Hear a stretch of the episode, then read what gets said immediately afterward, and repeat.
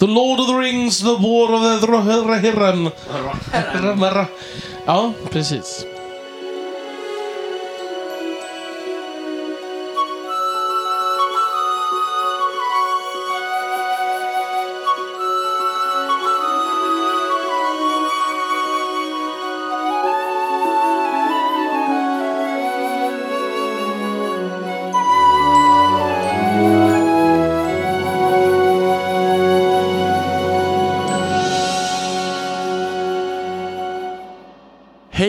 Och välkomna till det 63 avsnittet av Tolkien-podden. Och idag är det inte något speciellt avsnitt. Nej! Så- Yay! Vi sitter i samma annars rum. brukar säga. Ja, Ja. precis. Och det är ju underbart. Ja, och vi som sitter i samma rum, Är Adam. Elisabeth! Daniel.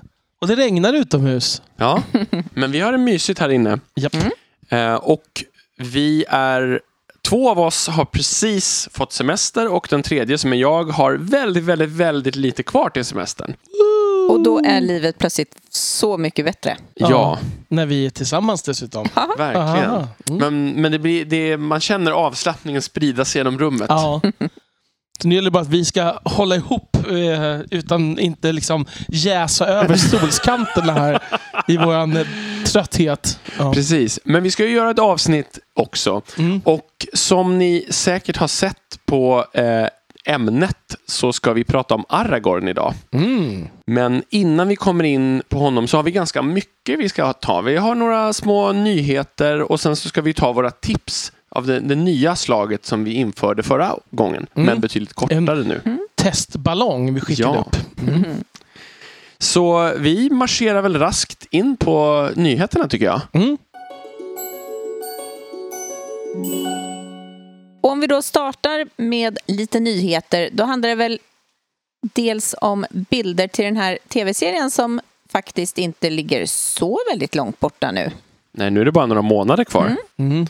Jag darrar och ryser. Av olika skäl. Ja. Mm. Eh, Ja. Men ja, precis. Vi ska inte öppna den Pandoras ask nej, igen, precis. tror jag. Vi Eh, väntar och ser vad det ja. blir. Vi kommenterar mer det här, de här bilderna som vi har fått se. Mm. Ja. Ehm, och den, den första bilden, den som jag mindes bäst, det var Celebrimbor. Mm. Som Daniel alldeles nyss upplyste mig om att skådespelaren hette Charles Edwards. Ja. Ehm, och jag tycker att han ser ut lite som en kamrer eller revisor. Mm. Det, det, är en lite, det är en lite torr Celebrimbor tycker jag. ja, vi får se hur, hur den är in action. Ja. Eh, det, var, det har ju varit, som vanligt nu, extremt polariserat. Eh, Mm. Åsikterna. Han har kort hår! Eh, han ser inte ut som en alv. Eh, Mm. Men då är det ju flera som har tagit de här att när Galadriel castades var hon inte alls tillräckligt snygg för att vara en alvkvinna. Så här, Mm. Så att jag tänker att utseendet i all ära, men vad händer sen? Ja, absolut. Och han är ju en kapabel skådespelare. Ja, men att, exakt. Eh, men jag kanske inte heller hade spontant satt honom i den rollen, rent det utseendemässigt. känns ju som att de har valt en väldigt annan väg med honom än med Elrond, där de körde Backstreet Mm. Boys Ja. istället. Ja, precis. Eh, så revisorn möter Backstreet Boys. Ja, det blir en Det är spännande Backstreet mix. Boys revisor. Ja, Ja. ja, ja, precis. Kanske kommer att funka hur bra both som worlds. helst tillsammans. Ja. Ja, antagligen. Mm. Men, eh, och sen så var det en bild på några hobbitar Mm. eh, med kvistar i håret och Ja, sådär. de- Lite bland tomtar och troll va? Japp, lite så. Skogsmiljö. Eh, och så var det också en ny bild på eh, Durin. Mm. Vilket nummer har jag nu glömt faktiskt, ska jag känna. Och Disa heter hon väl, tror jag. Ja, det heter hon. Eh, Då, som satt tillsammans i samma bild. Så, får vi se. Mm. Jag har inte så mycket att säga om den. Nej, alltså det, jag tror, den visar väl inte så mycket som vi inte redan såg i trailern. Nej, nej. Så, så ja, nej, alltså jag tänker att det har väl inte ko- framkommit så jättemycket mer. Förutom att det, det har ju släppts några intervjuer. Ni kanske till och med hör regnet här nu utanför. Nu Ja, så smattrar kan det på rejält. Mm. Men eh, jag tycker inte alltså... Det är inte så att min bild har förändrats jättemycket jämfört med trailern av att ha sett de här bilderna. Utan Nej. det ligger i linje med vad vi har sett innan. Mm. Tycker jag. Vad tycker du Elisabeth? Alltså jag, ja... jag tycker att en del bilder känns ganska lovande. Men just den där bilden på, på Caleb Dimberg känns kanske... Mm. Men vi får se. Det kanske blir fantastisk kemi när de väl kommer igång. Jag har lättare för Backstreet Boys-varianten Elrond, av ja. Elrond, tror jag. Jag tycker att det här, det här blir mer som så här andra åldern som kammarspel kändes den här mer. Mm. Mm. Jag vet tror att man måste tänka bort... ja, men låta den stå på egna ben lite. Mm. Eh, och det ska jag jobba med att göra Mm. Mm. ordentligt innan jag börjar titta. Ja, jag tror att du, du kommer lyckas betydligt bättre än vad jag kommer att göra. Det. Jag tror man framförallt också ska försöka... Jag hoppas att de har försökt tänka lite på att den ska stå på egna ben gentemot Peter Jacksons filmer. Det var framförallt. faktiskt det jag menade. Ja. Ehm, framför Ehm, att den kommer stå på egna ben gentemot tolken, det, det verkar ju som. Så att... ehm, Jag tror att den kommer kollapsa på egna ben eh, Nej, gentemot men det, och, tolken. ja, men- precis. Och det, där kan man ju känna att, att man kanske vill kunna förvänta sig något annat. Men att eh, det inte bara ska vara mm, Peter Jacksons tolkning som, eh, som det står och faller med. Utan att man mm. någonstans känner, eh, funkar det här i sig självt om Mm, man ja, bortser exakt. från det. Så att det, det blir spännande. Mm. Men jag måste erkänna att jag liksom faktiskt blir lite illa till mods varje gång det dyker upp något om den. För jag känner att snart kommer det vara här och då måste jag genomlida det. Men vi får se. Det, Ja. ja du, vad gör du inte för våra lyssnare? ja, Ja. precis. För du hade inte sett den annars. Jo, Jo. det hade jag, men jag ja. Nej, men, men, men det känns jobbigt faktiskt. Mm. Eh, på riktigt jobbigt. Ja, det... Det är något, ja. Ja, det, jag ska psykoanalysera dig sen. Så, Ja, Ja. Det, precis. Som vanligt då. var, precis. Eh, Ja. Men... ehm, Ja, jag, eh, alltså, jag, jag höll på att säga, jag önskar att jag kände sådär, men det gör jag ju faktiskt inte. nej, det önskar du verkligen Nej, inte. det är väldigt skönt att bara kunna tänka, ja, ja, det där är det där och det här är det här. Mm. Och så får det vara. Liksom. Mm. Ja. Det är alltid så att det finns två personer i den här podden med rimliga åsikter och så är det jag. Ska vi ta en annan nyhet kanske? ja, ska vi marschera vidare till den andra Vi serien? marscherar vidare till, det är väl en film tror jag ja, faktiskt. eh, Eh. andra prod- vad ska jag säga, skärmproduktionen då. Exakt. The Lord of the Rings, The War of the Rohirrim eh, marscherar vi vidare till. Så, här, så lämpligt ord också. Mm. Eh, och det som har hänt där är att vi eh, har fått lite mer information och framförallt fått lite casting eh, liksom med nyheter kan man säga. På röstskådespelarna eftersom vi Precis. påminner om att det här är animerat. Ja, exakt. Så den, eh, och den vad ska man säga, viktigaste rollen, här, Brian Cox, ska spela Helm Hammerhand. Och Brian Cox har ju varit med i väldigt, väldigt mycket. Han är väl med i en serie som heter Succession, tror jag. Mm. Eh, nu. Eh, han är också, jag minns honom från den amerikanska The Ring och sådär. Han är ju ja, han är en väldigt bra skådespelare som inte alltid har varit med i bra filmer. Så skulle jag säga. Mm. Vi hoppas att det här är en gång då han är med i en bra film också. Mm. Eh, och sen har vi eh, då fått veta att en av huvudpersonerna i den här filmatiseringen är Helms dotter Hera. Hera. Som jag febrilt försökte googla, betyder det någonting på fornengelska? Och jag hittade ingenting. Nej. Så då är det ett mysterium varför man har valt det namnet, kan jag tycka. Jag tror att det bara är för att det allittererar med helm. Ja, men... Och ja. att folk associerar till fornnordiskt och de, ja, Och trodde att grekiskt var fornnordiskt. ja, alltså det är något sånt tror jag. Det ironiska är att skådespelaren som ska spela Hera heter Gaia i förnamn. Så att, Ja, det, det det blir väldigt, det Ja. är väldigt många sådana. Men jag Ja. vet inte, att de, att de på något sätt tänker på hel och de gör något Ja. jag vet, jag vet eller om inte. det är Hero som man gör ett feminin Ja. av eller någonting.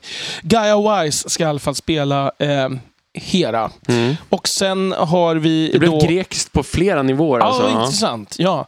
Och sen eh, har vi en skådespelare som heter Luke Pascalino som ska spela eh, Wolf då, som är eh, antagonisten i den här serien. Mm. Den onda dunlänningen här. Mm. Så. Ja. Eh, och Miranda Otto som ju spelar Eowyn i eh, Jacksons filmer kommer tillbaka som Eowyn fast då som en berättarröst vad vi förstår. Mm. Vi- Det, känns, det tycker jag känns ett väldigt smart det drag. tilltalar mig. Ja, Mm. för då kommer man få det som jag skulle vilja ha lite mer generellt i Tolkienvärlden, lite mer av en sago. Mm. Eh, Det har jag varit inne på många gånger, men Mm. man får den karaktären lite. Ja, det här återberättandet. Precis. Ja, ehm, men det blir spännande. Vi vet ju fortfarande så lite där, så vi har ju det är mindre att uttala oss om. Det är ju inte förrän 2024 som den Nej. kommer, så det är långt kvar. Och eh, innan 2024 så kommer även en annan skärmbaserad produktion. Mm. Eh, Med nämligen... en interaktiv sådan. Ja, precis. Eh, nämligen The Lord of the Rings Return to Moria. Som är ett eh, datorspel. Um, lite i stil med Minecraft, tror jag. Um, jag har sett trailern här. Jag har inte spelat Minecraft faktiskt. Det är inte riktigt min grej. Men det handlar helt enkelt om återkoloniseringen i fjärde åldern av Moria. Uh, dvärgarna ska liksom återupptäcka och gräva ut uh, och vad heter det, strida Bygga mot, och- ja, bygga och strida mot resterna av mörkret som finns där nere. Mm. Och ehm, jag tyckte speldelen såg rätt okej ut. Några estetiska val kändes inte så Tolkienska som stora blanka plåtrustningar med, med horn åt alla håll. Mm. Kändes lite konstiga. Men det verkar som att det skulle kunna vara rätt okej kul som spel ändå tycker jag. Ändå en kreativ spelidé, tycker Ja, lite egen vinkel. jag. Mm. Moria påminner om Minecraft. Ja, Ja. det är lite Ja. ordvitsigt. Jag vet Mm. att jag såg för några år sedan att det var några som hade byggt Moria i Minecraft. Alltså Mm. grävt ut, så att säga. Så att det, det kanske är någon som har fått idén från Mm. något sånt. Mines. A mine. mine. call it a mine. Ja. A mime. Nej, någon... kommer en mimare. Precis. The Mimes of Moria. Nej, nej, vad fruktansvärt. The dreaded Mimes of Moria. Kommer i trikåer och bara och flyttar händerna som att de går glasväggar. Nej. Man in the box. Och jag som Ja. redan var trött. redan- Ja, Ja. precis. They dug too greedily and too deep. No. Ja. Nej, nu, nu måste vi vi upp oss tror jag. Och där eh, sätter vi streck i den diskussionen. Ja, det gör Ja. vi. ja.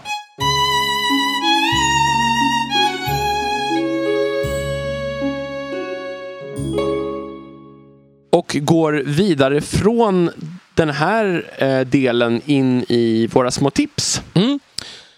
Som vi började med förra veckan. Då var det bara några små tips. Mm. Och nu... Blir de lite kortare och blir bara en försmak till Exakt. det faktiska avsnittet. Mm. Vem vill börja? Ja, men börja du Adam. Ja, eh, jag tänker tipsa om en bok den här gången. Eh, som jag nyligen har läst. Som heter Beowulfkvädet Den nordiska bakgrunden. Av Bo Gräslund som är arkeolog. Um, ehm, som de flesta som har lyssnat på den här podden säkert kommer ihåg så är ju Beowulfkvädet nära kopplat till Tolkien. Och Tolkien är fortfarande en av de viktigaste forskarna någonsin på Beowulfkvädet.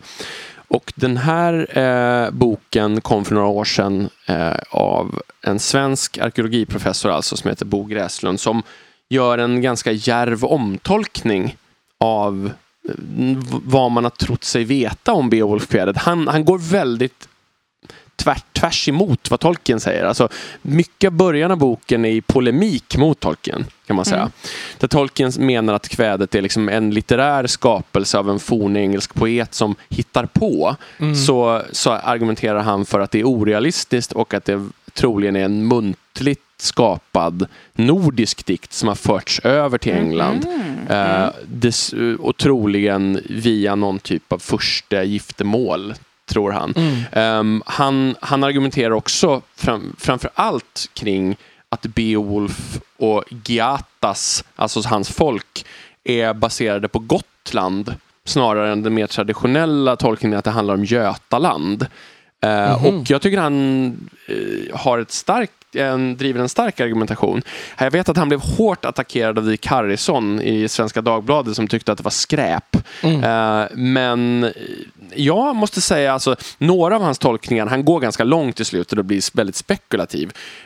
Där kanske jag inte köper allting, men just den här tycker jag att han, han har ett väldigt, han bygger upp en, ett starkt case för Gotland, tycker jag. Mm. Och eh, den var väldigt intressant om man är intresserad av det här.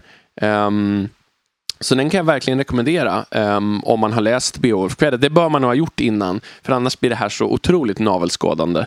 Men um, uh, väldigt spännande. Och uh, jag tänker att någon gång måste vi göra ett avsnitt om Tolkien och mm. Beowulf. Absolut. Så, men det är ett ganska stort avsnitt, så det mm. får vi jobba på ett tag. Exakt, kräver mm. lite research. Nej, men så att, den kan jag verkligen rekommendera. Jag, det, för att vara så pass lång och matig så plöjde jag den väldigt fort, för den var så spännande. Jag tycker alltid att det är intressant just det där när någonting har varit självklart. Man har haft en vinkel, man har sagt att jo, men så här är det. Eh, och så kommer någon annan plötsligt eh, och har just mm, ett, liksom, lagt fram med mycket på fötterna mm. eh, för att man kan se det på ett helt annat sätt och ur en helt annan vinkel och eh, helt andra förutsättningar. Mm. Och det är inte alltid att man då nödvändigtvis säger ja men då måste det vara så istället. Men mm. bara att det överhuvudtaget går att lyfta upp det till ja, eh, vi kanske inte kommer längre än så. Vi kanske aldrig kommer att veta vilket mm. av det Nej. som är det rätta. Men bara genom att man har byggt upp den här så kan man ifrågasätta och säga att ja, men vi kanske har tittat på det hela ur helt fel perspektiv. Mm. Eh, och det behöver ju inte handla om något sånt här, men bara generellt. Jag tycker det är en eh, spännande grej. Och på någon sorts idealt plan är det ju så vetenskap ska fungera. Ja, men, ja mm. precis. Exakt. Jag tycker det är intressant hur pendeln liksom svänger mm med om hur mycket myter är baserade i fakta och mm. historia och inte. Och liksom, för att det, fan, det känns som att det växlar väldigt. I vissa perioder är det som att myter är liksom är, det kan inte ha någon botten i fakta mm. utan det är bara påhitt. Och sen andra perioder så är det som att pendeln når ett andra. Jag tänkte med Robert Graves som skrev Jag Claudius. Mm. Men han var ju också, alltså forskade på grekisk mytologi. Och han, han menar att alla grekiska myter var, var någon slags här illustration av hur man övergick från ett matriarkalt samhälle till ett patriarkalt mm. samhälle. Alltså, det känns som att så, att, så att det, det, skulle ju kunna vara att det här, eller jag känner så här, det här är kanske inte sista ordet i nej. den här debatten, säger jag utan att ens läst boken. Nej, men, nej, absolut, mm. men man kan säga att i, i, bland historiker i Sverige så har bröderna Weibull, mm. eh, som var aktiva... Som också grundade det här grönsaks... Eller nej, nej, det, det, har, det, det,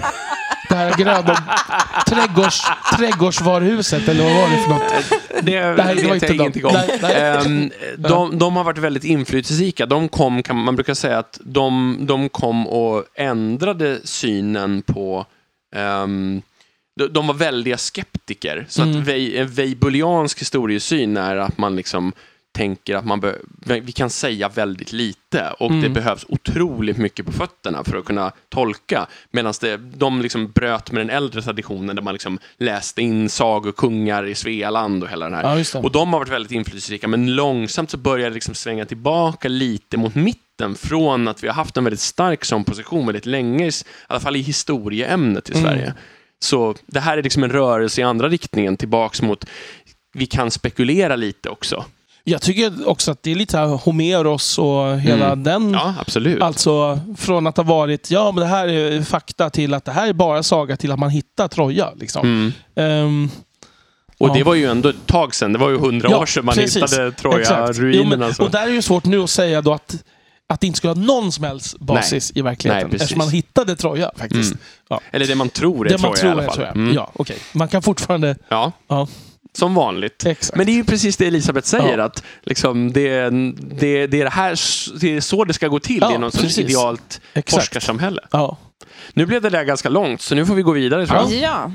Eh, ska vi gå vidare till min?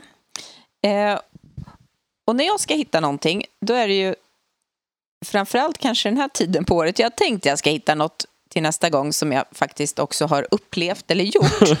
Men eh, att bara prata om saker som jag har upplevt och gjort nu, det skulle betyda att jag bara pratar massa tråkig rättning och sånt. Så att vi, vi pratar om något som jag gärna vill göra. Mm. Eh, och det här tipset kom jag på eh, när jag var hemma hos några vänner där sonen, som jag tror ska börja sexan nu, han pratade väldigt varmt om ett spel som han tyckte var roligt och de spelade allihopa och man kunde spela i olika åldrar. Eh, och han sa att det hette Avalon. Och då gick jag in och läste lite grann eh, och anade kanske att jag skulle stöta på vissa personer som jag eh, kände igen. Eh, så det eh, utspelar sig alltså med eh, kung Arthur och eh, Merlin och så vidare. Eh, och är något så här kort, kortspel.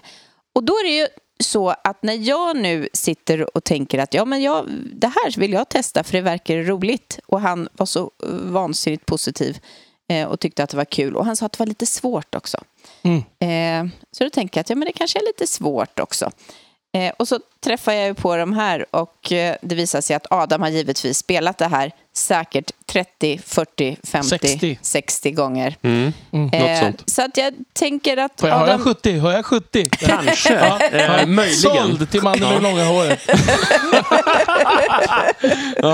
Ja, eh, så jag tänker att jag tar lite hjälp av dig, Adam. Mm. Eh, helt enkelt. Ehm, om jag förstod det hela rätt så får man ut vem man är. Ja, alla får ett kort. Ja, eh, där man är antingen ond eller god. Och sen är det lite som i maffia, att man, de go- alla blundar och de onda ser varandra. ja, Och sen så är det en uteslutningsförmåga-lek där man ska gå på olika uppdrag och de goda ska försöka lista ut vilka de onda är och de onda ska försöka nästla sig in i uppdragen, kan man säga, om man förenklar det väldigt mycket. och Merlin vet vilka som är onda. Ja, det finns flera sådana här specialroller. Men, men Merlin är den av de viktigaste. Han vet vilka som är onda, men de onda får, om de förlorar, en chans att mörda Merlin efter spelet. Så Merlin kan inte spela öppet med sin kunskap. För att då förlorar man ändå. Just så Merlin det. måste liksom försöka se till att de andra i det goda laget, utan att de onda förstår att han eller hon är Merlin, eh, får rätt information. Ja, det låter ju väldigt... eh, Det det där låter som något som jag gärna vill spela. det, det är väldigt lätt att lära sig reglerna, Mm. men det finns väldigt många nivåer man kan höja det till om alla har spelat det många gånger. Alltså Mm. Det går att spela väldigt basalt och väldigt avancerat. Mm. Liksom. Så. Kul. Mm. Det lät lite verkligen som typ maffia och de där Ja, men det, det bygger ju på det Ja, konceptet. ja, det det, det, det fin, alltså, så det är en blandning mellan liksom social, socialt läsande av varandra och lite så här matematisk slutledningsförmåga. Mm. Om någon var ond i det uppdraget och någon inte var det i det så måste det antingen vara si eller så, alltså kan man resonera Mm. efter ett tag. Just Så. det. Mm. Härlig blandning av skådespeleri och intelligens och Mm. slutledningsförmåga. Ja, Ja, det är Mm. väldigt, väldigt kul. Och man roligt. kan spela på kanske en, en timme, eh, beroende lite på hur, hur pratigt sällskapet är. 20-30 minuter var vad jag hade hört. så Ja, att men, det- men jag det låter spelar att i, har- i folk som, du vet, det kan ta 20 minuter mellan ett drag och nästa för att alla ska Ja. liksom resonera om vad som är matematiskt möjligt. Då. Ja, ja, ja. Spelades bland annat på min svensexa eh, häromveckan. Ja. Så, mm. Då, eh, då har mitt lilla tips. Eh, Det är en bok som heter på svenska Den odödliga sagan om hur och varför vi berättar historier. Den har den engelska titeln Into the Woods How Stories Work and Why We Tell Them. Skriven av John York som är eh, brittisk tv-författare. Vi har ju pratat en del om Joseph Campbell i den här podden. Ehm, och, men, men det kan man säga, och han har ju lanserat en teori om liksom, hur man bygger upp sagor och liksom, Mm. myter. Och så. Men Den, det här är liksom, Joseph Campbell är bara en av många aspekter i den här boken. kan man Mm. säga. Men den pratar väldigt mycket om just dramatik och dramaturgi. Inte riktigt, alltså Den nämner böcker och sådär, men den utgår väldigt mycket från film och tv-serier och sådär. Hur man då bygger upp och, och utgår och backar liksom till grekiska pjäser och mycket Shakespeare. Här. Och då Mm. ofta liksom finns det tre, antingen ett treakts perspektiv eller ett femaktsperspektiv. Så, och där, där det verkar då finnas väldigt tydligt var, var vissa saker händer, när vändpunkter kommer. Och att det liksom, slutet är en spegling av början ofta. Såna saker. Så Mm. det här är liksom en analys av dels vilka schabloner liksom som finns. Och han går också in på lite varför. Vad kan det här spela för roll i mänsklighetens historia. Varför berättar vi saker på det här sättet? Och när vi bryter mot det så är det väldigt tydligt att vi bryter mot det. Liksom. Um, att det finns, och han har då olika teorier om var det kan ligga. De, dels är det hela vårt sätt att tänka som handlar om tes, antites och syntes. Mm. Liksom. Uh, och han använder väldigt mycket, liksom, Gudfadern återkommer väldigt mycket som en uh, ett exempel på en perfekt struktur. Liksom. Uh, och Det som är intressant är ju då att hjältens, alltså huvudpersonen där det normala är att hjälten genomgår en utveckling och blir liksom bättre i slutet. Mm. Men, men eftersom Gudfadern då är en tragedi mm. så är ju liksom utvecklingen är ju att eh, Michael Corleone måste liksom jobba med sina dåliga sidor som i det här fallet råkar vara hans positiva egenskaper. Liksom. Mm. Och I slutet så har han övervunnit sina goda sidor och har mm. blivit och liksom bejakat de sidor som... Mm. Liksom, ja. Så att det finns många så intressanta perspektiv på det här. Det här låter jätteintressant. Ja, jag kan verkligen, verkligen rekommendera den. Eh, han pratar om liksom två och tredimensionell dramatik där liksom, eh, alltså typ såpa och, och ganska mycket deckare och sånt är tvådimensionell. Där liksom karaktärerna utvecklas ju inte från mm. gång till gång. Och så finns det då tredimensionell dramatik där utveckling måste ske. Mm. Typ även i tv-serier, typ Mad Men och mm. Breaking Bad och sånt. Liksom. Och Den hette på engelska Into the Woods. Into the Woods, ja. Och det är ju... Alltså det är för att det är en väldigt gammal... Jag, kommer inte, jag vet faktiskt inte var den kommer ifrån. Det finns ju en musikal som heter Det är ett uttryck. Liksom. Mm. Men någonstans historiskt i mitten så har ju i sagan ofta med sig in i skogen. Liksom. Mm eh, där någon slags kris uppstår. Liksom. Ja, det är det, det som liksom är... ge sig bort från det säkra Exakt. på något sätt. Ja. Och det är där, där liksom vändningen kommer någonstans, i, mitt i skogen. Så. så det kan jag rekommendera. Jag läste den på ett par dagar nu när jag var hemma och var sjuk. Så att det var inte... Lättläst alltså? Ja, jag tyckte den var ja. ganska lättläst. Utifrån att det är ett ganska... Man, man kan ju skriva krångligare om det, tror jag. Jag tyckte det var trevliga tips. Mm. mm. Hoppas mm. ni tycker ja, det också. precis. Vi bara sitter här och pöser och tycker ja. våra egna tips är Vilka jättebra. Vilka förträffliga tips ja, som kommer. Magnifika tips! Ja.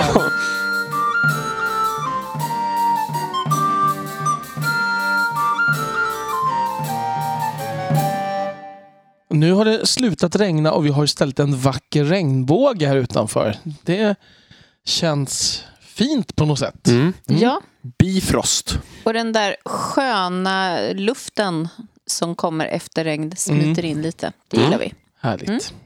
Och koltrasten har börjat sjunga. Och då, i och med det, är det dags att börja prata om Aragorn. Ja, det här, och det, det kan jag nästan tänka att, att vi inte har gjort det tidigare. Mm. Med tanke på hur många avsnitt som vi ändå har spelat in. Mm. Mm. Det är väl vårt fjärde personavsnitt tror jag. Vi har gjort mm. Gandalf, Gollum och Galadriel förut. Mm. Alla på G inser ja. jag nu. Ja, just det. Mm. Blir det Aragorn. Ja. um. ja. Och det är ju rimligt att ha tagit dem innan. Så mm. att det är ju inte inga konstigheter med det. Nej. Nej. Nej. Eh, och vi ska väl få lite bakgrund så att vi lämnar kanske över då till Adam Facit Westlund först. Det är oförtjänt, um, oförtjänt titel kanske. Men um, det, man kan ju säga så här. Det, det är jag som har preppat det där avsnittet.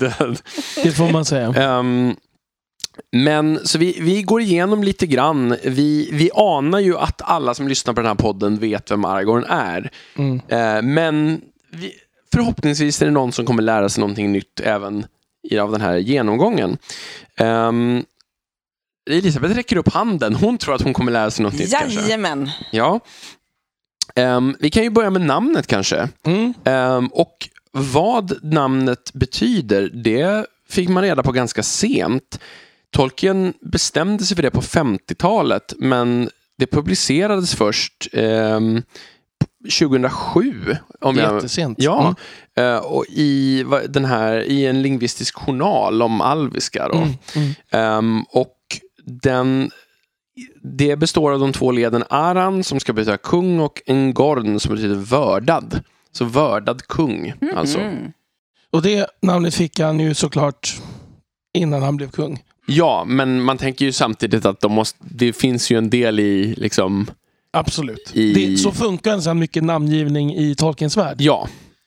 Men jag tänker även i, inomvärldsligt skulle man kunna tänka sig det utifrån förväntningarna på Ja, ätten verkligen. och allt det verkligen, där. verkligen. Så. Jag, jag, jag köper att Arathorn kände att det här är ett bra namn. Ja, Mm. han bara nu är det dags. Ja. Nu smäller det, tänkte Precis. Aragorn. Ehm, I alla fall. Aragorn föds då eh, 2931 i tredje åldern. Och ehm, bara två år efter att han föds så dräps hans pappa och Donedains Arathorn, hövding alltså. Arathorn ja, Mm. av en orkpil. Eh, Och kort därefter så far hans mor Gilrain med den unga Aragorn till eh, Riftedal. Där han sen lever eh, i ett antal år under hemlig identitet. Han kallas för Estel. Som betyder Hopp. Ja. Ehm, och det, som några av er kanske kommer ihåg så finns det ju i eh, slutet av det avskräde som är Hobbit-filmerna en dialog mellan eh, Legolas och pappa Thranduil. Ehm, Där Thranduil säger att Legolas ska söka upp a man named Strider, eller något åt det hållet, eh, som är eh, badass, eller vad, vad tusan det är. Eh, då ska vi påpeka då att femherrarslaget som precis har utkämpats där är, utkämpas ju 2941, så då är alltså Aragorn 10 år vid det här är tillfället. sjukt cool. Eh, Tioåring. när han har byggt upp den här fantastiska badass-statusen. Ja. Jag känner en del tioåringar som är rätt badass. Okej, precis. Um, I alla fall, um, under tiden i Riftedal så umgås han mycket med Arwens bröder, Eladan och Elrohir, reser med dem en del. Um, men det är först då 2952 som när Aragorn är 11 år som han får veta vem han är. Nej, förlåt, när han är, förlåt, när han är 21 menar jag. Eh, Jag kan inte räkna. Så han själv får inte heller Ja, veta nej, vem han är. Han, vet, han tror att han är Estel hela tiden. Precis. Så han, förlåt, han är 21, inte 11. Eh, jag kan Lite inte mer räkna. badass då. Ja, alltså. 31 till, 29, 31 till Mm. 29, 52. Så Elrond avslöjar alltså hans namn och identitet för honom själv. Ehm, och det är i samband med det här som han också träffar Arwen första gången. Som ju är lite äldre. Alltså the age gap Ja. här Mm. är, har ju blivit en meme. nästan. Ja, precis. Ehm, och han får också Narsils skärvor och Barahirs ring här. Mm. Ehm, och några år senare, 2956, träffar han Gandalf för första gången. Och sen följer en lång period mellan 2957 och 2980 där han först tjänar Thengel av Rohan Just och sen Mm. ehm, Ecthelion, alltså Denethors pappa, eh, av Gondor. Och vi vet inte de exakta åren här. Vi vet Mm. bara att det är under de här dryga 20 åren som båda de här sker. Och under eh, tiderna, men vi vet också att han tjänar Thengel först, att han är i Rohan först och sen kommer han till Gondor.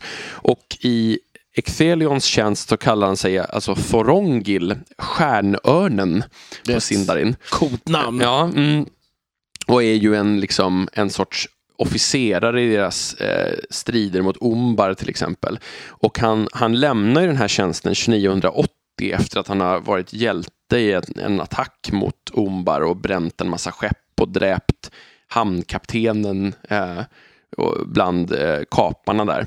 Men sen på vägen tillbaka till Minas Tirith eh, få en liksom, ära och berömmelse så, så lämnar han sina män vid Pelargir och försvinner Oh. ehm, i ut i skuggorna igen. Mm. Eh, och det sägs ju i bakgrundsmaterialet här att han aldrig drar jämt med Denethor. Nej, pappan trivdes han Ecthelion med- älskar honom, ja. Precis. Men, Mm. ehm, Det där men, med det, far och sonrelationer i Gondor verkar vara en problematisk Mm. grej. Alltså. Ja. men en sak som jag upptäckte här som är rolig är att det skulle kunna vara så att Aragorn har träffat Boromir som bebis Mm. under den här perioden. Att eh, om det är liksom släktskapsförhållande till Ecthelion skulle kunna... Så det, det är lite roligt, Ja. som, tycker jag bara som kuriosa. Ja, viktiga saker. Jag Mm. minns dig när du gick i... Ja. Precis, när det gick i blöjor. Ja. Gondoranska blöjor. Eh, vi vet också, det står i förbigående att han någon gång har varit i östern och södern och det bör ju ha varit i Gondors tjänst Mm, under den här tiden. mm. Så. Ehm, här förlovar han sig med Arwen eh, efter det här, eh, 2980 på Kerin Amroth-kullen i Lothlorien. Och då är han i typ 40-årsåldern. Han, är, han ska snart fylla 50. Ja. Mm, då. Och sen så går det ett tag när det finns väldigt lite information under ungefär 20 år. Um, men sen i början av 30-talet eller 3000-talet så börjar han eh, leta efter Gollum. Um, och um, han samarbetar med Gandalf mycket under de här åren. Han far fram och tillbaka. Och det är här någonstans som hans mamma dör. Ja, precis. Eh, det är år 3007 som Aragorn gör ett sista besök hos Gilrain Mm. som dör kort därefter. Mm, Hon har tidigare levt i Riftedal, men hon dör eh, många år senare här. och hon har ju sagt de här orden. Eh, eh, jag gav hoppet till människorna. Jag behöll inget själv. Och hoppet då är ju Estel, hennes son. Men 3017, och nu är vi väldigt, väldigt nära Ringen-trilogin, Mm. då eh, fångar Aragorn Gollum och tar honom till Mörkveden, till Alvriket, till Thranduil. Ehm, och sen så börjar ju handlingen i Mm. Ringen-böckerna. Ehm, och den behöver vi inte gå igenom, tänker jag. Det tror jag den inte. tror jag Jo, folk har ganska bra koll på. Bilbo Bagger, Baggers hus, för att ta Holmarks... Ja. Vi kan väl ändå säga, tycker jag, att en viktig skillnad mellan filmerna och böckerna är det här med Narsils omsmide. Mm. Att ehm, eh, den, han får ju svärdet omsmitt i Return of the King i filmerna. Mm. Men han har med sig svärdet omsmitt redan från eh, Riftedal i Mm. första boken Mm. i böckerna. Då. Och attityden, när Ja. vi ändå pratar om det där. För Jag att, tänker till kungaskapet och så. eh, han, han, eh, I filmen så är han ju ovillig. Han, jag vill aldrig det här. Det är något som har lagts på mig som jag inte är ett dugg intresserad av. Mm. Eh, Medan han i böckerna springer omkring med ett eh, liksom söndrigt svärd. Mm. För att han är så redo att axla Mm. svaret. Och han Ja. har ju liksom två incitament för att bli kung. Dels för att han vill bli kung. För att han är ju en vördnads... Vad var det nu? Eh, Ja, ja, vördad kung. Vördad kung. Men, ja, men heter man det så måste man ju. Men även för att det är ju enda sätt att få arven. Eftersom Elrond har sagt att Ja. hon kommer inte giftas med någon som är mindre än kung av Gondor och Arnor. Och, och det där tycker jag eh, faktiskt lite spännande, för det där är ju lite som en parallell till Beren i Mm. Silmarillion. Hur han får, liksom, för att få alvprinsessan som är spegelbilden, föregångaren till Mm, Arwen, mm. måste också göra ett omöjligt uppdrag, så att Mm. säga, och besegra det onda. Mm, precis. Ehm, Det är ganska högt ställda krav. det får man säga. Det är det här med, uh, vad heter det, 10 simple rules for dating my elven daughter. Eller Mm. vad den här tv-serien nu hette. Mm. Ehm, men ehm, sen så blir han ju alltså kung av det återförenade kungadömet. Alltså Arnor återuppväcks och slås ihop med Gondor. Och ehm, han ehm, har ju ett antal av de här kända symbolerna. Förutom Andoril så har han ju den här alvstenen Elessar. ehm, som också blir ett av hans namn. Mm. Och eh, han hittar den här Elendilmir, eh, ädelstenen i Orthanc, som var Arnor-kungarnas gamla symbol. Och en, en, en scen som jag väldigt ofta tenderar att liksom, inte glömma bort, men inte tänka så mycket på, är det här när han, han tillsammans med Gandalf hittar skottet från det vita Exakt. trädet Nimloth. Mm. Jag vet inte vad det är med den scenen, det är en ganska viktig scen. Mm. Som ofta liksom hamnar lite i bakgrunden i mitt huvud. Mm, jag förstår precis. Mm. Det, ja men verkligen.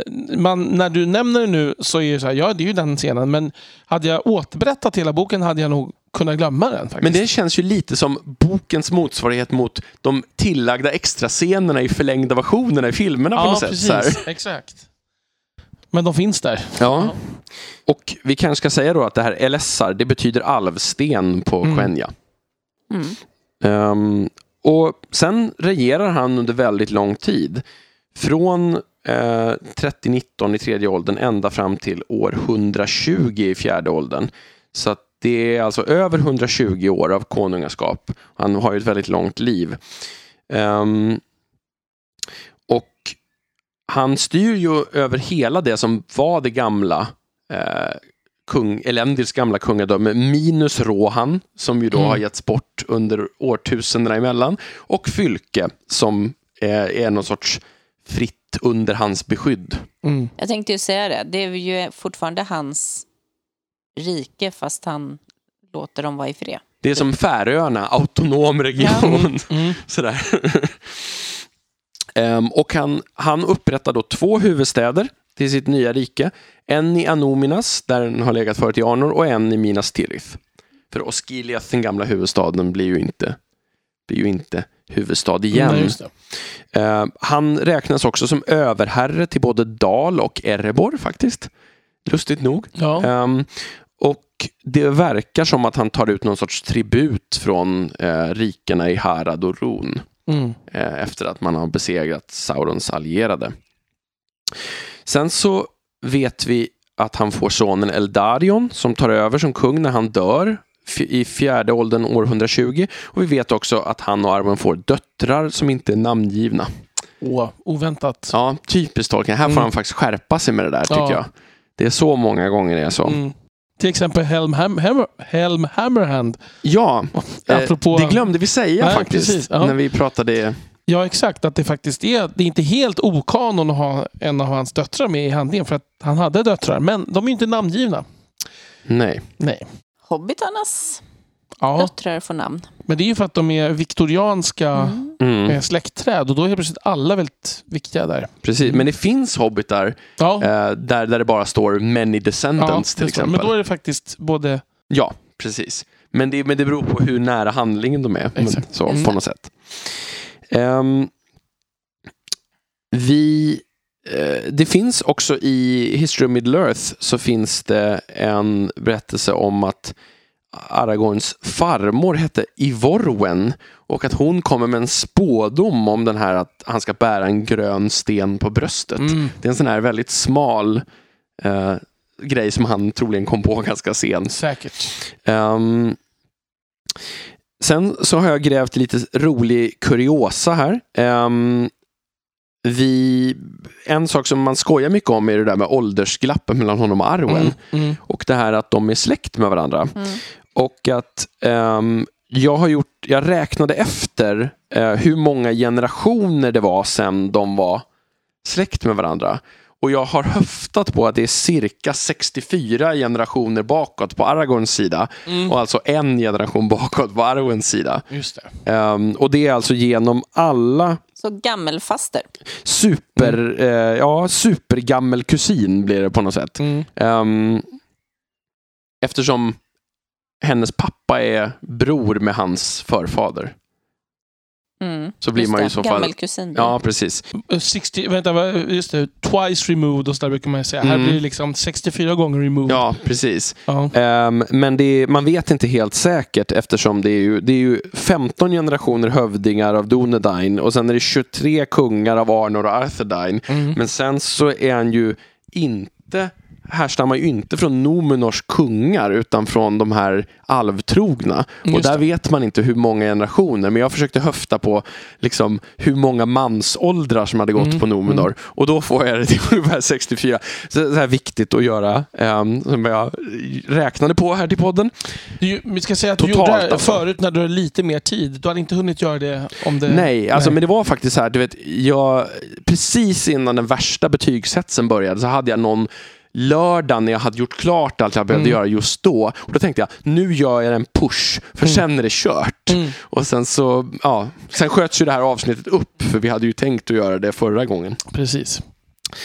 Ja, men ehm, vi kanske också ska säga det att Strider, ehm, det här att man tar långa kliv, Mm. hans smeknamn, det blir ju sen hans familjenamn, Telkontar på Quenya. Ehm, så det namn som han hade fått som en sorts öknamn av briborna. Mm. Blir- Anammade han med... Men det är, ju, det är ju inte helt ovanligt. Han reclaimade Precis, namnet. exakt. Mm. Mhm. Mm. Så, nej men ehm, Så det är ju en kort överblick av vem han är. Eh, jag tänkte bara, vi har ju också pratat... snar, om jag, nu ska jag vara lite petig. Det är en kort överblick om vad han har gjort. Ja. Eh, det, det är sant Ja. faktiskt. Ehm, det, I Tolkiens värld är det ganska ofta samma sak, Ja. men inte nödvändigtvis Nej, här. nej, det är sant. Det är sant. Men jag tänkte att vi också kan ta... Vi har, jag och Elisabeth håller, håller alltid på att pika varandra om hur Aragorn ska se ut när vi diskuterar Viggo Mortensen. Ja. Så jag tänkte att vi kan läsa här bara vad som sägs om, om eh, Aragorns utseende. Är du säker? Det brukar betyda att det är du som får rätt. Eh, nej, jag tycker inte att det är helt entydigt. Eh, den, det ena citatet har jag tyvärr bara tagit på engelska. Jag ber om ursäkt för de som vill att vi ska översätta. Då står det så här. Tall as the sea kings of old, he stood above all that were near. Ancient of days he seemed, and yet in the flower of manhood. And wisdom sat upon his brow, and strength and healing were in his hands, and a light was about him. Det, det är ju hyfsat idealiserat det här. Ja, ja, Eh, det, det, det, är en, det är hans dating-sida-profil det här. Ehm, Precis. Precis. men sanningen Tinder. är mer så här då. Det finns även andra dejtingappar. Precis. Jag sa inte ens någon dejting. Jaha, sa du? Det var jag som sa Jag hörde inte ens jag vad du sa där. Tinder. Tinder, ja okej.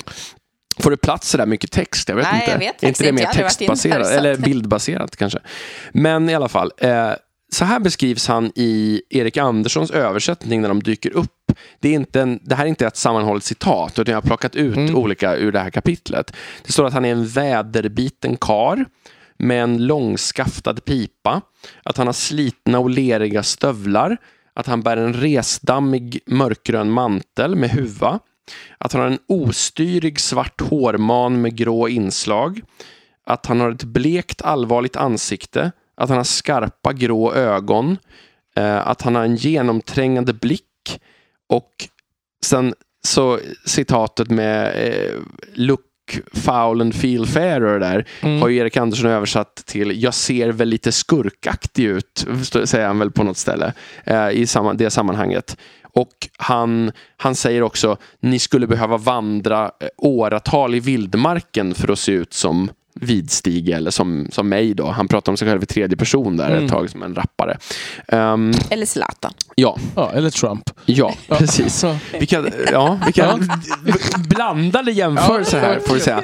Men, men i alla fall, så att vi, vi, vi får ju ändå tydligt här att han ska vara väldigt sliten och ehm, det står ju verkligen inte att han eh, ska vara ful, men han ska vara väldigt liksom, utsliten och se Mm. Men en väldigt skarp blick samtidigt. Ja, precis. Ehm, och det, det är väl den, de tydligaste beskrivningarna vi har av hur han ser ut. Det är ändå tydligare än många andra är beskrivna utseendemässigt i de här böckerna. Det får man säga. Mm. Sen har jag bara en sak till som jag vill lägga till här innan vi är färdiga med den här Mm. eh, faktagenomgången. Och det är alltså Donedines hemvist i Eredor. Ehm, och det är, det, det är någonting som inte finns i det publicerade materialet faktiskt. Det finns, eh, det har publicerats av David Salo, eller Salo, det är väl Salo som man, jag tror man säger. Han som, ja just det, språkexperten. Precis, Mm. som har skrivit språkböcker om det här. Han, har också, han hjälpte ju till med språken till filmerna också. Mm. Mm. Och han har baserat det här på en lapp som finns på mikrofilm på Marquette University. Där alltså Tolkien, eh, Tolkien-arkiv finns Mm. eh, i USA. Då. Och där, där kan man sluta sig till att Donedine var så här, levde huvudsakligen, i alla fall runt tiden för Ringens krig, i ett område som kallas The Angle. Och det är alltså en triangulär landremsa mellan floderna Mithaithel eller Mith- och Bruinen. Just det. Jo, men det, alltså, området nämns nog i... Ja, alltså området nämns, Ja. men de, de verkar ha levt längst ner i den och det står in, inte någonstans. Eh, det framstår som att de inte har haft något Alltså några städer utan att de har levt i byar eller på något sätt sånt. Och de är väldigt få kvar. Mm. Eh, men, men det framgår alltså på en liten lapp där Mm. Tolkien har skrivit var de är baserade. Och det, det går också väl ihop med eh, de beskrivningar som finns med hur de rör sig runt i området, hur Arathorn dräps av en orkpil, hur, hur tidigare hövdingar, liksom några dräpts av, av trollen i The Troll Shaws i närheten och så Mm. vidare. Så att, och, och det är inte särskilt långt till Riftedal därifrån heller, så det är en logisk plats. Jag har liksom ändå tänkt att de håller till närmare Bri Ja, det, det Mm. hade jag också. Men Mm. å andra sidan, det är ju, Bri är ju någon slags knutpunkt där ändå. För liksom. vägarna Ja, liksom. Ja. Men det intressanta är att jag inte, har ingen bild av hur många de är eller hur de har bott. Liksom. Mm. Alltså det... Alltså de, de är väldigt få kvar med tanke på om vi tänker på eh, grå, eh, The Grey Company Mm, mm. så är ju de bara en handfull och det är de de kan piska upp på, på, med kort varsel. Det är inte många. Nej. Och då har han verkligen försökt få med sig så många han kan, Halbarad. Så att det, det säger ju någonting om hur liten den befolkningen är Mm. vid den tiden. Mm. Och det är ju säkert inte alla, men det är nog en stor del av, Mm. eh, av männen i, i Mm. Dunedain, eh, vet, vet du, befolkningen eller rangergruppen liksom. Just det. Mm, vid den tiden.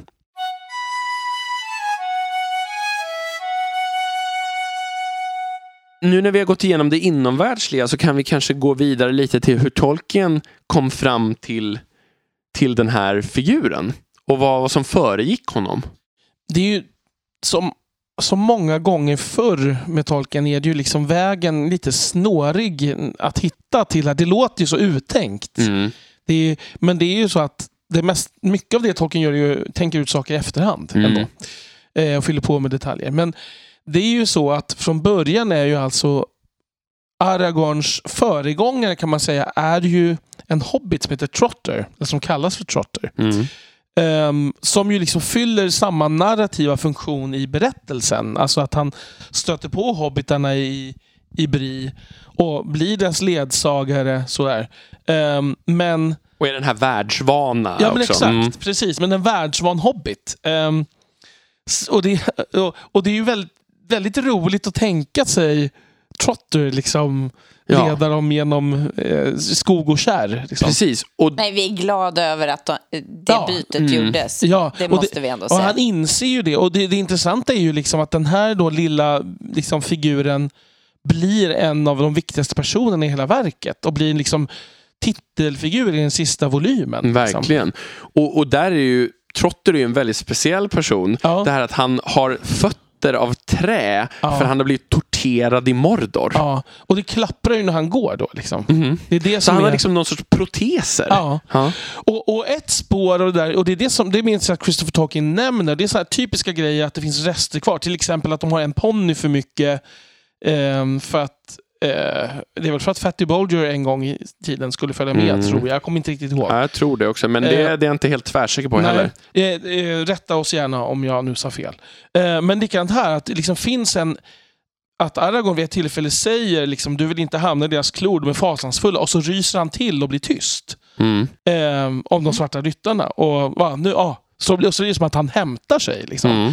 Och det är ju en rest från att det är ju det Trotter var, råkade ut för. Han torterades av dem, så han minns ju tillbaka till det tillfället. Precis, och det är ju inte riktigt logiskt i koppling till Nej. Aragorn. Nej, inte alls Varken hans faktiskt. upplevelse eller hans person nej, kanske. Nej. Så att det, det är sådana här spår som man tänker att hade han gått tillbaka, tillbaka och reviderat igen hade han säkert tagit bort den meningen. För den, Mm. alltså åtminstone liksom själva reaktionen efteråt. Så. Det är lite som så här bibelforskning, när man försöker hitta de här olika lagren Ja. i Moseböckerna. Ja, här. exakt. Ja. Att lagren faktiskt finns här. Ja, Det precis. Ehm, eller man liksom vet ungefär när de är. Men jag, min, jag ska erkänna, jag minns inte exakt när, när han... För när de väl lämnar Riftedal... Nu, det här, nu är jag lite ute på hal is känner jag. Men det känns som att det är någonstans där som man börjar fundera. Att det, alltså, det bör nog inte vara en hobbit. Liksom. Jag kommer faktiskt inte ihåg exakt när. Nej. Och sen Mm. går det tillbaka och skriver om. Och det, det är ju en process hela tiden. Att han skriver sig framåt och sen börjar han ju om. Mm. Och så kommer han lite längre och så börjar han om igen. Och liksom. så kastar han sig ibland jättelångt framåt i berättelsen Ja, istället. exakt. Så, här, så det, ja, det, det är ju inte så lätt att följa på det Nej. Vad har han för funktion då? Jag tycker han... Alltså jag, jag tycker väldigt mycket om honom. Mm. Eh, men han är ju... Det tror jag vi har pratat om i något annat avsnitt. Han är ju den här omöjliga att relatera till egentligen. Han är verkligen hjälte-hjälte. Mm. Ja, alltså jag kan tänka att han har ju lite grann två roller åtminstone i berättelsen. Eh, dels så är han ju den här superhjälten Mm. eh, ur, och i nästan all äldre tids litteratur så var ju det en hjälte. Alltså hjältar var ju inte relaterbara utan de var mer övermänniskor. Mm. Ehm, och han är ju inte, det som precis som du sa här, eller antydde tidigare Elisabeth, så är det de här tvivlen som har försökt göra honom mer mänsklig Mm. i filmerna. Mm. De finns ju inte Nej. där egentligen i böckerna. Ehm, men han har ju en annan roll också. Han delar lite grann med Gandalf det som Joseph Campbell nog skulle kalla the call to adventure. Mm. Alltså att han blir ju den som på leder hobbitarna ut ur det sista någorlunda hemtama och blir vägvisaren genom den stora farliga äventyrsvärlden. Mm. Så han blir ju lite av nyckeln till porten ut till det stora Midgård. Mm. Så Gandalf är ju den som liksom sätter igång dem från början men det är ändå Aragorn som står där på tröskeln Som med dem. eh, eh, John York kallar den tändande gnistan. Ja, Är ju Mm. ja Gandalf. precis. Ja. Vad kallar han då den roll som... Kommer du ihåg det? Det kommer jag faktiskt inte ihåg. Nej. Men, Den men jag tänker... behöver inte vara en person. Nej, säga. Nej, Ja. precis. Men jag tänker på något sätt att, men här är det ju tydligt en person Ja, då. verkligen. Men, men jag tänker på något sätt tydligt att det är ju väldigt tydligt att Bri är någon sorts tröskel i berättelsen. Mm.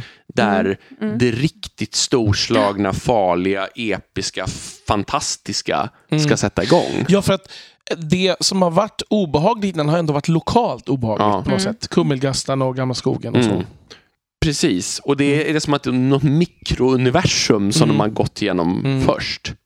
Ja, just det. Den farliga skogen utanför, den är ändå någonting de känner till sen innan. Mm. Mm. Sen är det från Bri så är det ute i världen. Precis, och i Bri finns det fortfarande hobbitstorleksrum och det finns hobbitar som bor i Bri. Mm. Det är liksom det är på Ja, något de sätt äter och ja. badar och Mm. Ja, det är liksom- det sista ja. riktigt hemtama på Ja. något plan ändå. Mm. Precis. Jag, men sen är det, det är ju intressant det där. Det, det är ju som ni säger att han är ju liksom en superhjälte och, och lite av en ett belangt blad. Sådär. Men, men ändå inte tycker jag. Alltså det är Mm. lite svårt, jag svårt att peka på vad. Men han, och det är ju för scenerna i Bri som han blir... Det är de scenerna som gör att han har en personlighet tycker jag. Mm. Han är ju inte bara det. Utan, alltså, han, han har ju humor och han har ett, något slags känslomässigt djup där att han är där med I, I seem, eller I feel, jag kommer inte ihåg nu. I feel foul but I look... Jag kommer inte ihåg. men Look foul but feel feel fair fair, och tvärtom Ja, då. precis. Ja, precis. det, hela den de. liksom, liksom självironin och där som ju inte känns alls som Nej. en, eh, någon slags superhjälte. Nej, det är sant. Eh, Men han blir ju mindre och mindre den Ja. personen. Men man bär ju med sig den personen Ja. när man fortsätter Mm. läsa tycker jag. mycket. Mm. Liksom. Att han är... Även om man inte har tvivel på sin roll som kung så känns han ju inte som en... Han känns... Men, mens, det finns som det finns någon slags mänskliga gråzoner i honom. Mm. Han är inte perfekt, än liksom. så länge. Jag skulle ju säga att, att det där stunden, den har jag också tagit upp tidigare, men när han står inför um, i båten när de andra sitter och hukar eh, och han ser sina förfäder stå staty. Vid Argonath. Mm. Ja, Mm. precis. Därifrån så då känns det som att då, då har Mm. han steget ut till fullfjädrad Mm. superhjälte. Och där är det, det, det blir ju en väldigt symbolisk scen där han liksom står och Frodo ser honom Ja. nästan som en annan gestalt också. Men, men även lite därför att han just inte är säker på, gör jag rätt nu som följer Mm. Merry och Pippin? Alltså det, Mm. det finns något Mm. sympatiskt tveksamt drag ändå i honom. Mm. Sant? Ehm, Och han har ju väldigt mycket, jämfört med många sådana här stora dådhjältar, så har han ju väldigt mycket ansvarskänsla för andra och Mm. den här mm. delen där han ska bli som brödraskapets eh, ersättare som ledare när Gandalf stupar i Moria och sådär. Mm. Så det finns ju ändå även, men det är ju mycket av känslolivet som är underförstått ändå. Absolut. Det är det ju. Men det, men, man, men, det, men det finns ändå ett underförstått Ja, känsloliv. absolut. Till skillnad det, nej, från- Absolut. Legolas liksom. Ehm, alltså det, det är någonting, så, så, men han är mycket svårare att få grepp om ju eller så här, jag har en tydlig bild i mitt huvud Mm. av hur han ser ut och hur han är. Och, Mm. men han är ändå svårare att liksom ringa in än till exempel Gandalf Mm. eller Frodo eller Sam. Mm. Så. Det, det är någonting i han, att han är en tröskelgestalt även mellan två olika berättartraditioner känns det som. Ja. Att han är ju han är ju den gamla, den, den, vad ska man säga, mytologiska hjälten. Men han är också, står på tröskeln till, till en annan berättartradition. Mm. En modernare berättartradition. Så tycker jag det känns. Mm. Han, han skulle inte vara, kunna vara direkt hämtad Nej, alla nej, scener. Liksom. Nej, Skulle- nej, absolut. Det håller jag med om.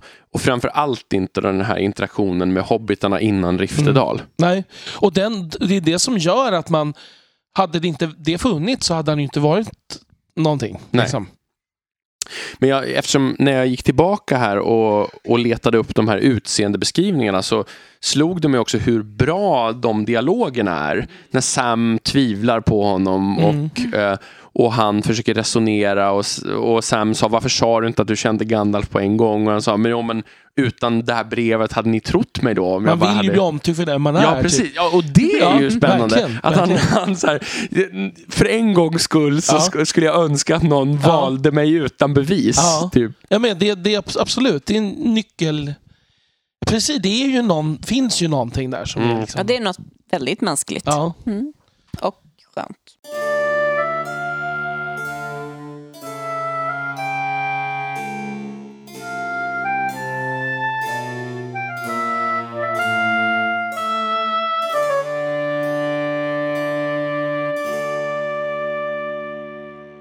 Jag tänker andra eh, förebilder, föregångare sådär. Det, alltså det tydligaste är väl kung Arthur. Liksom. Ja. Kungen som The ska komma. once and future king. Precis. Och det har vi pratat om Ja, ganska det många nämner gånger. jag väldigt ofta. Precis. Och det här med liksom... Ja, nej men...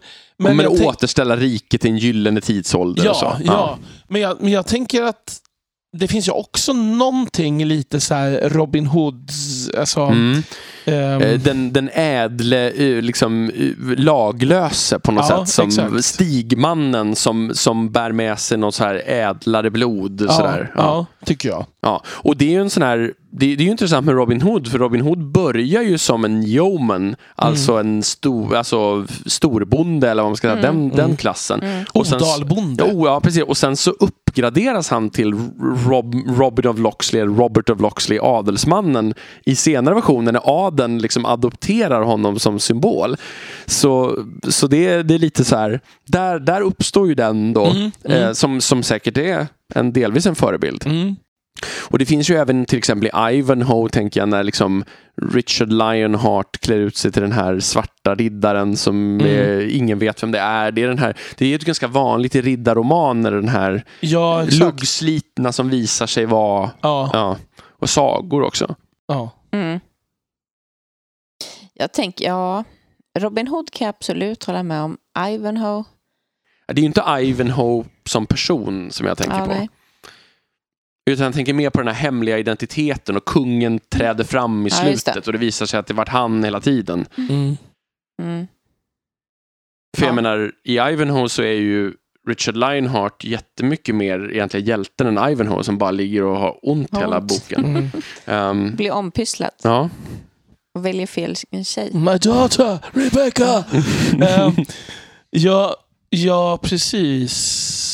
Alltså, jag tänker så här, dramaturgiskt slog det mig nu. Hade den här boken skrivits idag, tror ni, tror ni inte att man hade sugit lite mer på karamellen att han är kungen?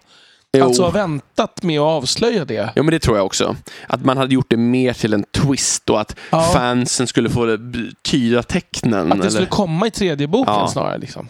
Det har jag aldrig tänkt på tidigare. Att, Men det finns ändå någonting i mig som gör att jag tycker att det är skönt att det är som det är. Att det blir liksom lite mindre sensationsinriktat. Ja, det blir, Mm. det blir, ja, jag vet inte. Det blir fokus på någonting annat. ja. Det skulle nog ha varit mer typiskt om man hade hållit på det lite Mm. och gjort det till en twist. Men mm, jag gillar att det inte är typiskt. Det, och det hade... Ja, precis. Nu hade det varit otänkbart att inte göra Mm. så, tror jag. Och dessutom hade det varit otänkbart att inte kärlekshistorien med Arwen skulle ta front Mm. stage. Mm. Ehm, vilket, Precis. alltså den, den, den får vi ju, det mesta av det, alltså det här har vi sagt många gånger, men vi bör väl understryka det igen. I böckerna har Arwen en replik. Mm. Ehm, hon är inte en av de 50 mest nämnda personerna. Nej. Så att nästan allt om henne kommer från Appendix. Men den har definitivt en funktion genom att finnas i appendix. Alltså, Absolut. Mm. Medför, den tillför mycket. Mm. Och den, den är ju en väldigt viktig del av Aragorn-rollpersonen. Mm. Men igen, alltså jag tänker så här. Jag menar inte att det som står i Appendix skulle ha införlivats. Det hade varit jättekonstigt för Mm. det. Men däremot hade hon ju kunnat vara nämnd någon merstans. Ja, och jag tänker om den vore skriven idag hade hon säkert inarbetats mer i historien Mm, på olika mm. sätt, tror Precis. jag också. Det, jag kan tänka mig att en del av det är den här trottergrejen. Visserligen att liksom att hela den den saken var ju inte aktuell när det var en hobbit. Nej. Eh, men att det då, när det skulle in, komma in i berättelsen, då hade han kommit en bit tror jag. Och lägger till Trotter det. smälter samman med bären liksom. Exakt. Mm. Ehm, så hade, hade han tänkt ut från början backstoryn hade han ju säkert vävt in armen Mm. mer. Äv, alltså, även han hade vävt in Ja, armen det mer. tror, ja, Mm. det tror jag också. Men eh, apropå, du, vi, vi strandade lite där med, med det du sa om andra förebilder förutom kung Ja, Arthur. just det. Mm. Ehm, jag tänker att en sak som, som vi har nämnt förut, men inte så mycket kanske, är det här med att man, en kristen tolkning där man Mm. menar att det är en tredelad Jesus Mm. mellan eh, Gandalf, Frodo och Aragorn. Då, att en av Jesus gestalter är kungen. Ja, Ehm, The Prince of Peace. precis. Alltså som kom fredsfursten. Alltså, som Ehm, i och för sig också passar på Frodo. mm, precis. Men, Men då tror jag man, då, då har man den här med att, med att Gandalf är, eh, jag menar att Frodo är prästen, den som Ja, utför det. riten på något Mm. sätt. Och Gandalf är, vad, vad, är- vad är det för roll nu då? Han är liksom tre, det är kungen, prästen och... Äh, profeten. skitsamma. profeten. Ja, är det profeten kanske? Ja, Gandalf är Jag bara chansar Ja, nu. Det, det känns som att det kunde vara ett rimligt ord att lägga in. Kanske. Ehm, jag, jag kommer inte ihåg det, jag har pratat om det förut, men minns inte. Det här är ju inte en, tror jag ska noga med att det är ju inte en allegori ur Tolkiens perspektiv och inte Nej. heller en helt igenom en allegori som funkar utifrån. Men däremot så kan man ju tänka sig att själva myten om en kung som ska komma och frälsa sitt folk är ju ganska allmängiltig och, och passar ju Mm. såklart in också. Men jag tycker att Aragorn känns ju mycket mindre germansk än vad Theoden gör till exempel. Ja, absolut. Alltså att det finns ju mycket mer av något så fromt och rättfärdigt i Mm. honom Mm. gentemot Theoden som är mycket mer bara den här hallar och horn och Mm. liksom ba- hela det här paketet från Mm. någon sorts fornengelskt. Medan Aragorn är mycket mer mångfacetterad och får inspiration från fler håll. Han är ju också en helare. Ja, ja. Ja. och det är ju spännande. Ja. Det, det tycker jag är en av de saker som, man, som, som känns mest oväntade på något sätt. Mm. Alltså som sällan har återupprepats. Det här med krigaren som också är helare i fantasy-litteraturen Mm. efter Tolkien. Nej, precis. Men det kanske är en lite för religiös ingång för Mm. att det ska liksom tilltala George R. R. Martin. Liksom, Ja, eh, till exempel. Definitivt honom. Men det, man kan ju tänka sig att det hade funnits Fast andra. han, ja, det finns ju fler än två. mm. Precis. Aslan. Mm. ja. Där är det ju allegori så det bara sjunger om det. Så att, Precis. Och i jämförelse mellan de två så, så finns det ju inte så mycket. Då väljer man Aragorn. Mm. Ja. Ja, fast inte i, i att påminna om... Jesus. Nej, Nej, nej. Det. Man väljer ändå Aragorn. Som personlighet. bara allmänt. Ja, jo, men det måste jag nog säga. Men jag fick välja mellan Aslan och Aragorn. Ja. Ja, nej men verkligen. Alltså det känns som att liksom Aslan är ju bara 2D Ja. på något sätt ändå.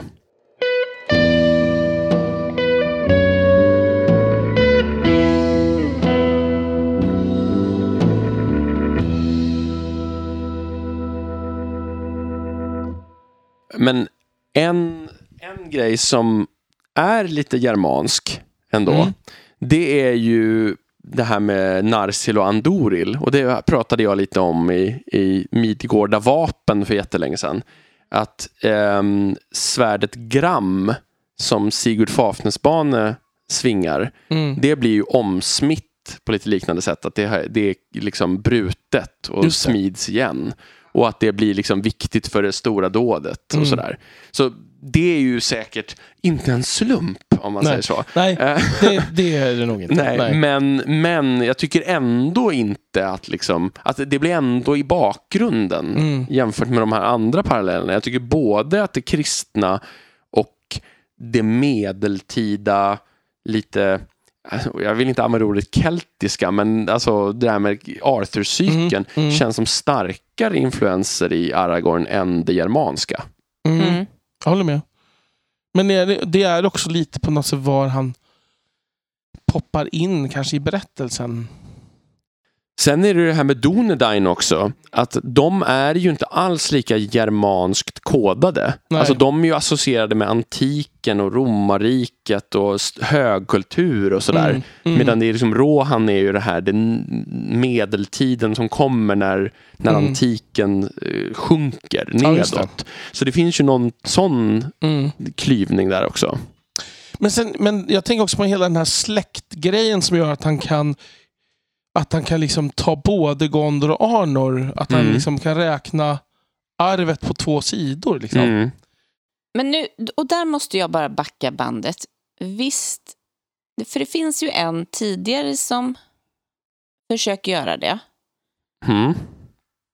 Är inte de släkt i rakt ned? Jo, alltså det är ju, det är ju Arve, Arve då i Last King av, Arth, av Arnor Arthedain eh, som menar det. Men, och det är ju rakt nedstigande led till Aragorn. Ja, Men det är ju för att Gondors kungaätt är utsläckt.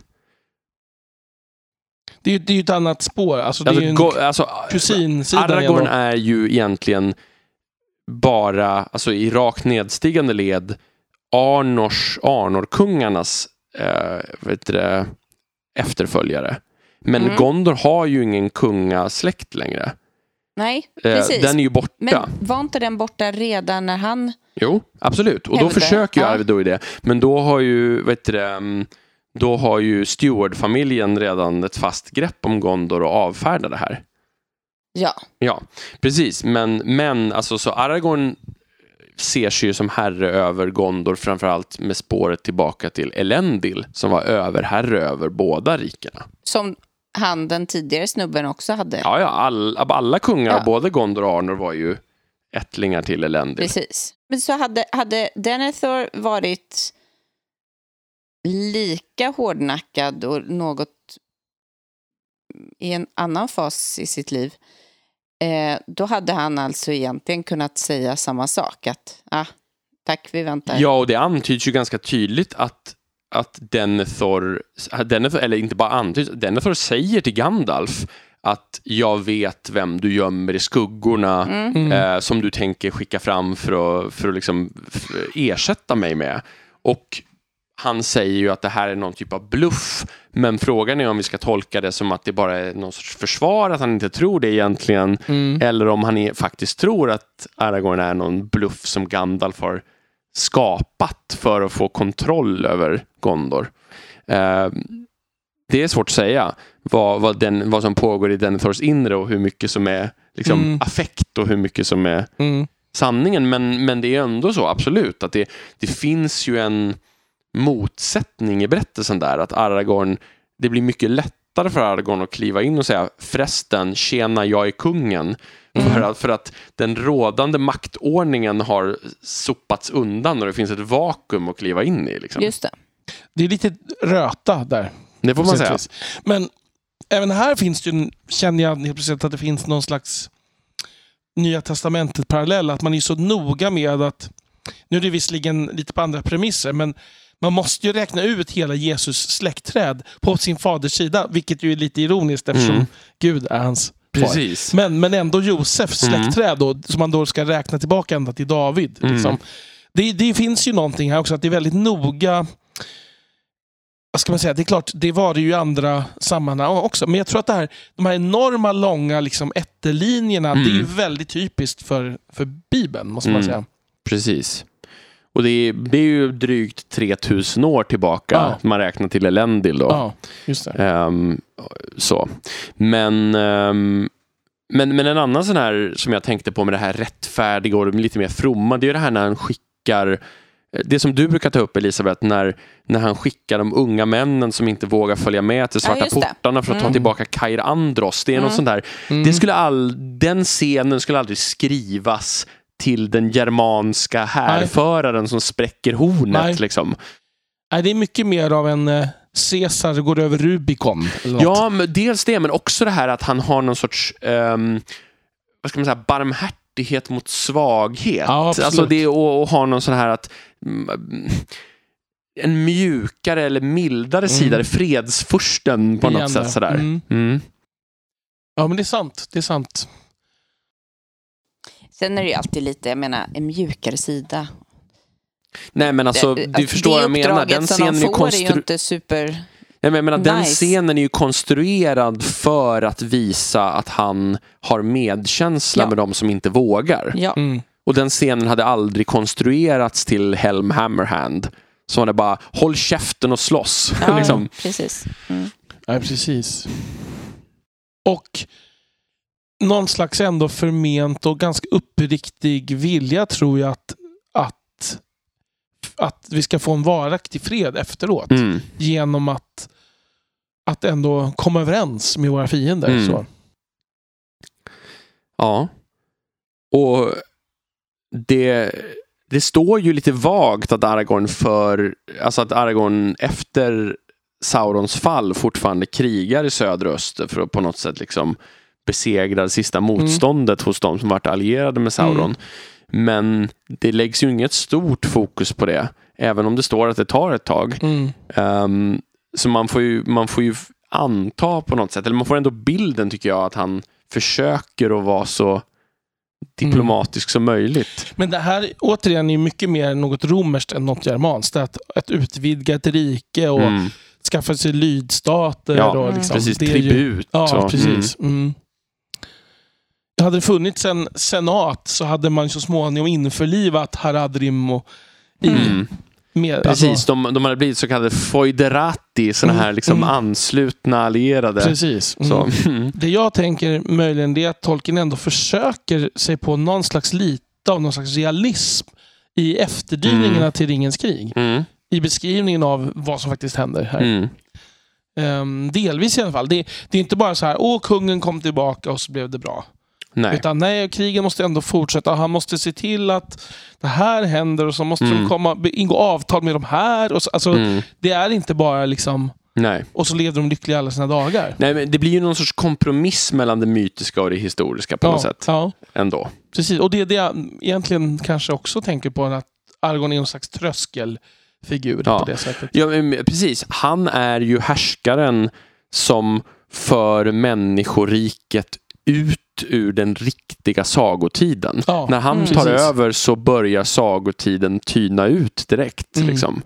Ehm, och hobbitarna eh, liksom till en, blir en autonom liten enhet som kommer Mm. att blekna bort. Alverna Mm. far över haven och så vidare. Och Exakt. han regerar så länge så att när han dör sen så Så är sagans tid Ja, och. Lothlorien vissnar och arven, arven lägger sig och dör. Mm. Så att det är ju väldigt, precis som du säger, jag tycker det är en bra...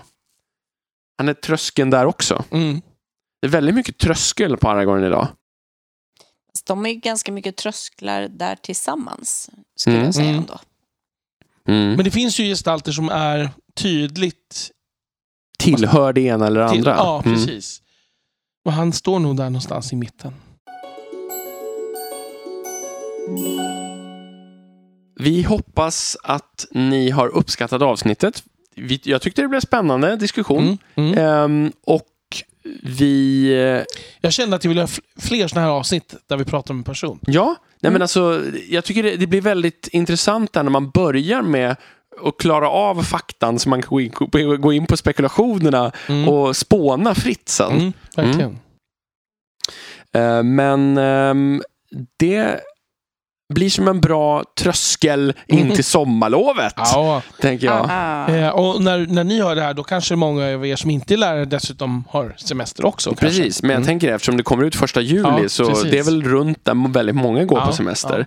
Och ehm, nästa avsnitt som alltså kommer ut den första augusti Mm. Då kommer vi alltså, som vi nämnde lite kort i slutet av förra avsnittet, att spela rollspel. Mm. Och det kommer alltså bli första gången i livet för Elisabeth. Jajamän. Och första gången på, vad kan det vara, 25-30 år för Daniel. Ja, Ja. något sånt. Så det, det blir spännande och ni ska ge er direkt på att bli inspelade så här. Mm. Eh, så det är Vi kommer utmanande. göra bort oss.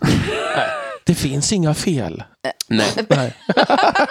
Och det roliga är att ni kan säga precis vad som helst och jag vet inte om det här är på allvar eller inte. Mm. Vi, det, Ehm. det ska bli jättespännande och kul. det ska bli kul. Jag, jag har aldrig spelat spelare som är helt ovana förut. Nej. Så det ska bli en helt ny upplevelse för mig också. Kommer din pedagogiska sida att få en utmaning? Ja, Jag tycker också att, nu, det här menar jag på riktigt, att nästa avsnitt borde börja med att du Elisabeth får berätta vad du tror att du ska få vara med om. Vad Ja! rollspel, vad Ja, rollspel vilken faktiskt rolig idé! Ja. mm. Ja. Hon tror att det kommer bli så här som Stranger Things. Ja. Att jag kommer klä ut mig och så viska diaboliskt Och så och, det springa monster runt i från rummet. Down Under, eller vad heter Ja, det? precis. Ja. Eh, The Upside The Down, Upside heter det va? precis. Mm. Inte Down Under. Ja, down Under är australiensiska monster. Precis.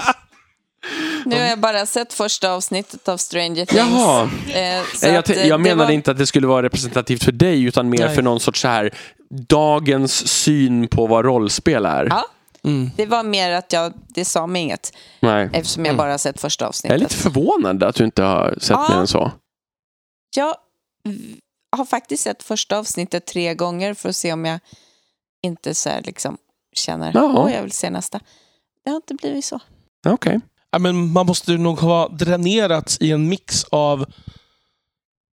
av Dränerats? I, nej, förlåt. Man måste ha dräng... vad heter inte dränerats? Vad heter det? Marinerats kanske? Marinerats i en mix Det är av... något eh, helt annat. av, eh, vad ska man säga, av E.T. och Stephen King. För att uh, gilla Stephen... Och kanske lite Stranger Things. rollspel. Ja, ja. Det, är, det är ganska vanlig referens. men jag tror där. att E.T. börjar med att de sitter och spelar rollspel.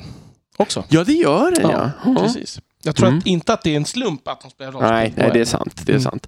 Men, äh, men Stranger Things är ju inne på sin fjärde säsong och har släppt nästan alla avsnitten, alla Ja. utom två, när vi spelar in det här. Ja. Ehm, Och när det här kommer ut, det är ungefär då som de sista två släpps. För jag har sett dem, Ja, alltså jag har sett fram till det som är släppt Du får inte säga något. Nej, jag kommer inte säga någonting. Mm. Ehm, men eh, så det, ja, det ska bli kul eftersom Mm. Det är två kvar så är det ju på ett spänn, en spännande punkt i säsongen. Så mycket Det kan jag kanske är säga. den kritiska punkten i, Precis. eh, i enligt den här... eh, Vad heter Ja. John Yorks Mm. bok, precis. Ja, vilk, vad vi har knutit ihop säcken Ja, här och liksom. Ja. stängt cirklarna här på Ja, slutet. här. ja. Så med de orden så tackar vi för oss tror jag. Det tror jag verkligen. Tack så mycket, trevlig sommar, ha det så bra, vi hörs nästa gång. Hej då! Hej då! Hej, hej!